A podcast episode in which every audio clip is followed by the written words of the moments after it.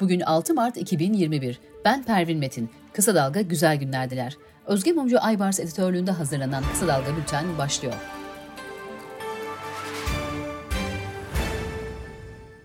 Hitit Üniversitesi İlahiyat Fakültesi Temel İslam Bölümü öğretim üyesi Halil İbrahim Şimşek, Mimarlık Fakültesinin ardından Fen Edebiyat Fakültesi dekanı da oldu. Şimşek aynı zamanda rektör yardımcısı. Avrupa Konseyi İstanbul Sözleşmesi'nin imzaya açılmasının 10. yılında üye ülkelere sözleşmeyi yürürlüğe sokmaları çağrısı yaptı. Tüm üye ülkelerin sözleşmeye taraf olması için 10 yıllık hedef belirlendi. Açıklamada sözleşmeden çekilmenin insan hakları açısından ağır bir geri adım olacağı uyarısında bulunuldu. Gazeteci Alican Uludağ hakkında meslektaşları Barış Pehlivan, Barış Terkoğlu ve Murat Ağırel'in tutuklanmasını eleştirdiği için soruşturma başlatıldı. Uludağ ifadesinde bu soruşturma insan hakları eylem planının ruhuna aykırıdır dedi.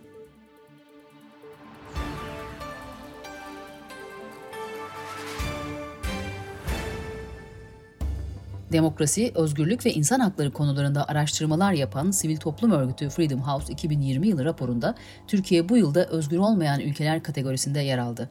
100 puan üzerinden 32 puan alan Türkiye, 195 ülkenin yer aldığı özgürlük sıralamasında 146. sırada. Milli Savunma Bakanı Hulusi Akar, 11 askerin yaşamını yitirdiği Bitlis'teki helikopter kazasının ani değişim gösteren olumsuz hava şartları nedeniyle meydana geldiğinin değerlendirildiğini söyledi.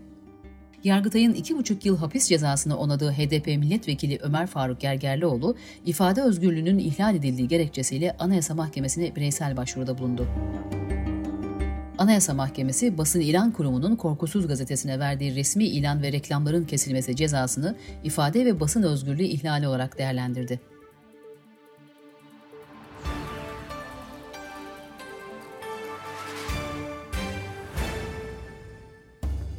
Agos gazetesi genel yayın yönetmeni Hrant Dink cinayetiyle ilgili Fethullah Gülen, eski savcı Zekeriya Öz, gazeteciler, jandarma ve eski emniyet görevlilerin de aralarında bulunduğu 76 sanığın yargılandığı davanın karar duruşması bir üye hakimin sağlık raporu nedeniyle 26 Mart 2021'e ertelendi.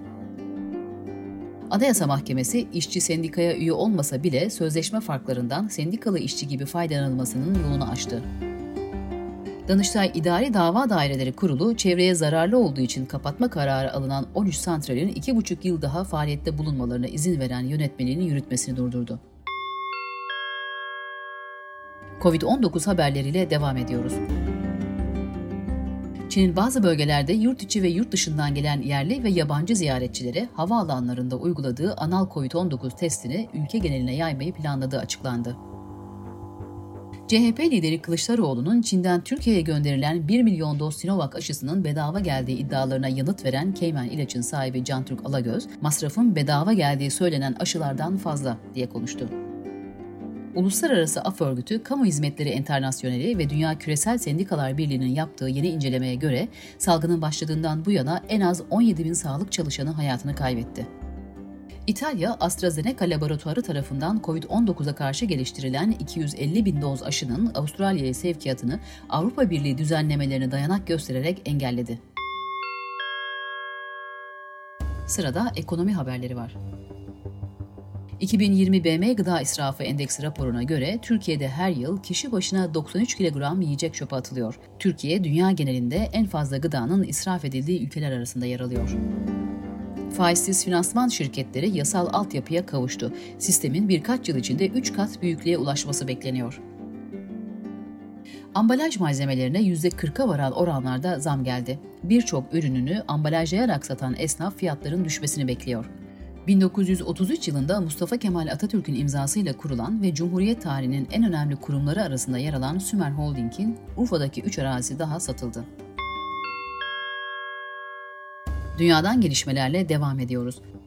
Wall Street Journal'ın haberine göre geçen hafta Suriye'de hava saldırısı emri veren ABD Başkanı Biden aslında iki hedefe yönelik saldırı emri verdi. Ama hedef bölgelerden birinde kadın ve çocukların olması nedeniyle emri iptal etti. Almanya'da yapılan bir anket, Başbakan Merkel'e yönelik kamuoyu desteğinin neredeyse son bir yılın en düşük seviyesine gerilediğini ortaya koydu.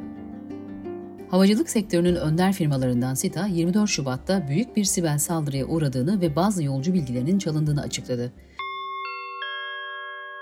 Bültenimizi kısa dalgadan bir öneriyle bitiriyoruz. Yeşim Özdemir cinsel şiddete maruz bırakılan kadınlarla konuşuyor. Mor Çatı Kadın Sığınağı Vakfı'ndan Ayşegül Özadak, şiddeti tanımak, şiddet türlerini anlamak, etkilerini anlamak, ondan korunmak için çok önemli diyor. Kısa Dalga.net adresinden okuyabilirsiniz. Gözünüz kulağınız bizde olsun. Kısa Dalga Medya.